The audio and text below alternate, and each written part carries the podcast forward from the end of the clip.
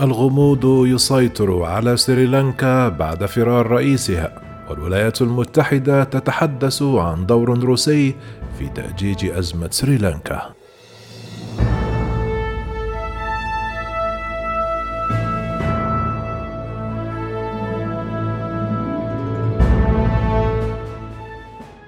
قال وزير الخارجية الأمريكي أنتوني بلينكين أن القيود التي تفرضها روسيا على صادرات الحبوب الأوكرانية. ربما قد تكون قد ساهمت في الاضطرابات في سريلانكا معبرا عن القلق من أنها قد تتسبب بأزمة أخرى. كما صرح وزير الخارجية الأمريكي للصحفيين في هونغ كونغ قائلا نرى تداعيات هذا العدوان الروسي في كل مكان قد يكون ساهم في الوضع في سريلانكا. نحن نشعر بالقلق إزاء انعكاساته في جميع أنحاء العالم.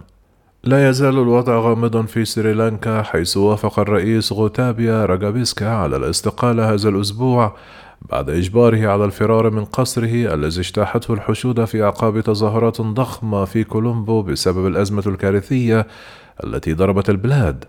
حثت الولايات المتحدة الأمريكية زعماء البلاد المستقبلين على العمل بسرعة لإيجاد حلول للأوضاع الاقتصادية المتدهورة بما في ذلك نقص الغذاء والكهرباء والوقود وذلك بحسب متحدث باسم وزارة الخارجية الأمريكية. جاء في تصريح متلفز لرئيس البرلمان السريلانكي ماهياندا بروادانا أن الرئيس قال أنه سيتنحى في الثالث عشر من يوليو لضمان انتقال سلمي للسلطة. كما استقال شخصان مقربان من الرئيس وهما رئيس الخدمة الصحفية سويديا هيتاراشي ووزير الإعلام الذي استقال أيضا من منصبه على رأس الحزب الرئاسي. كما تمكن الرئيس رجابكسا البالغ من العمر 73 عاما من الفرار قبل دقائق من دخول مئات من المتظاهرين قصره الذي كان مخصصا عادة لحفلات الاستقبال ولكنه انتقل إليه في إبريل بعد اقتحام منزله الخاص. أظهرت مقاطع فيديو نشرت على مواقع التواصل الاجتماعي المتظاهرين الغاضبين الذين يطالبون باستقالة الرئيس أثناء اقتحامهم المجمع الرئاسي. كما أطلق الجنود الذين يحرسون المقر الرسمي النيران في الهواء لردع المتظاهرين حتى تم إجلائه واستقل سفينة حربية متوجهة إلى المياه الإقليمية جنوب الجزيرة. كان من المفترض وصول الرئيس السريلانكي إلى قاعدة ترينكومالي البحرية في شمال شرق الجزيرة يوم الأحد وذلك بحسب ما ذكرت مصادر في وكالة فرانس بريس. بعد منتصف ليلة السبت دعا رئيس الأركان الجنرال شافيندرا سيلفا عبر شاشات التلفاز إلى الهدوء مؤكدا أن هناك إمكانية لحل الأزمة سلميا ودستوريا.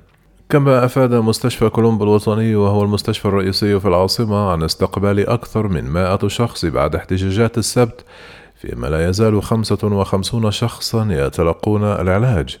من بين الجرحى سبعة صحفيين كما قالت المتحدثة باسم المستشفى بوشبا سويسا لوكالة فرانس بريس أن شخصا في حالة خطيرة جدا بعد إصابته بطلق ناري. الأحد أعلن المتظاهرون الذين يحتلون القصر الرئيسي أنهم لن يغادروا حتى يستقيل الرئيس فعليا. قال الزعيم الطلابي لاهيرو للصحفيين معركتنا لم تنتهي بعد مضيفا لن نتخلى عن هذه المعركة حتى يغادر بالفعل. أفاد نشطاء طلابيون بأنهم عثروا على مبلغ 48 ألف يورو في غرفة الرئيس وسلموها إلى الشرطة. كما جمعت التظاهرات المطالبة باستقالة باكسكا في كولومبو مئات الآلاف من الأشخاص كما اشتبك المتظاهرون مع الشرطة التي حاولت تفريقهم بالغاز المسيل للدموع.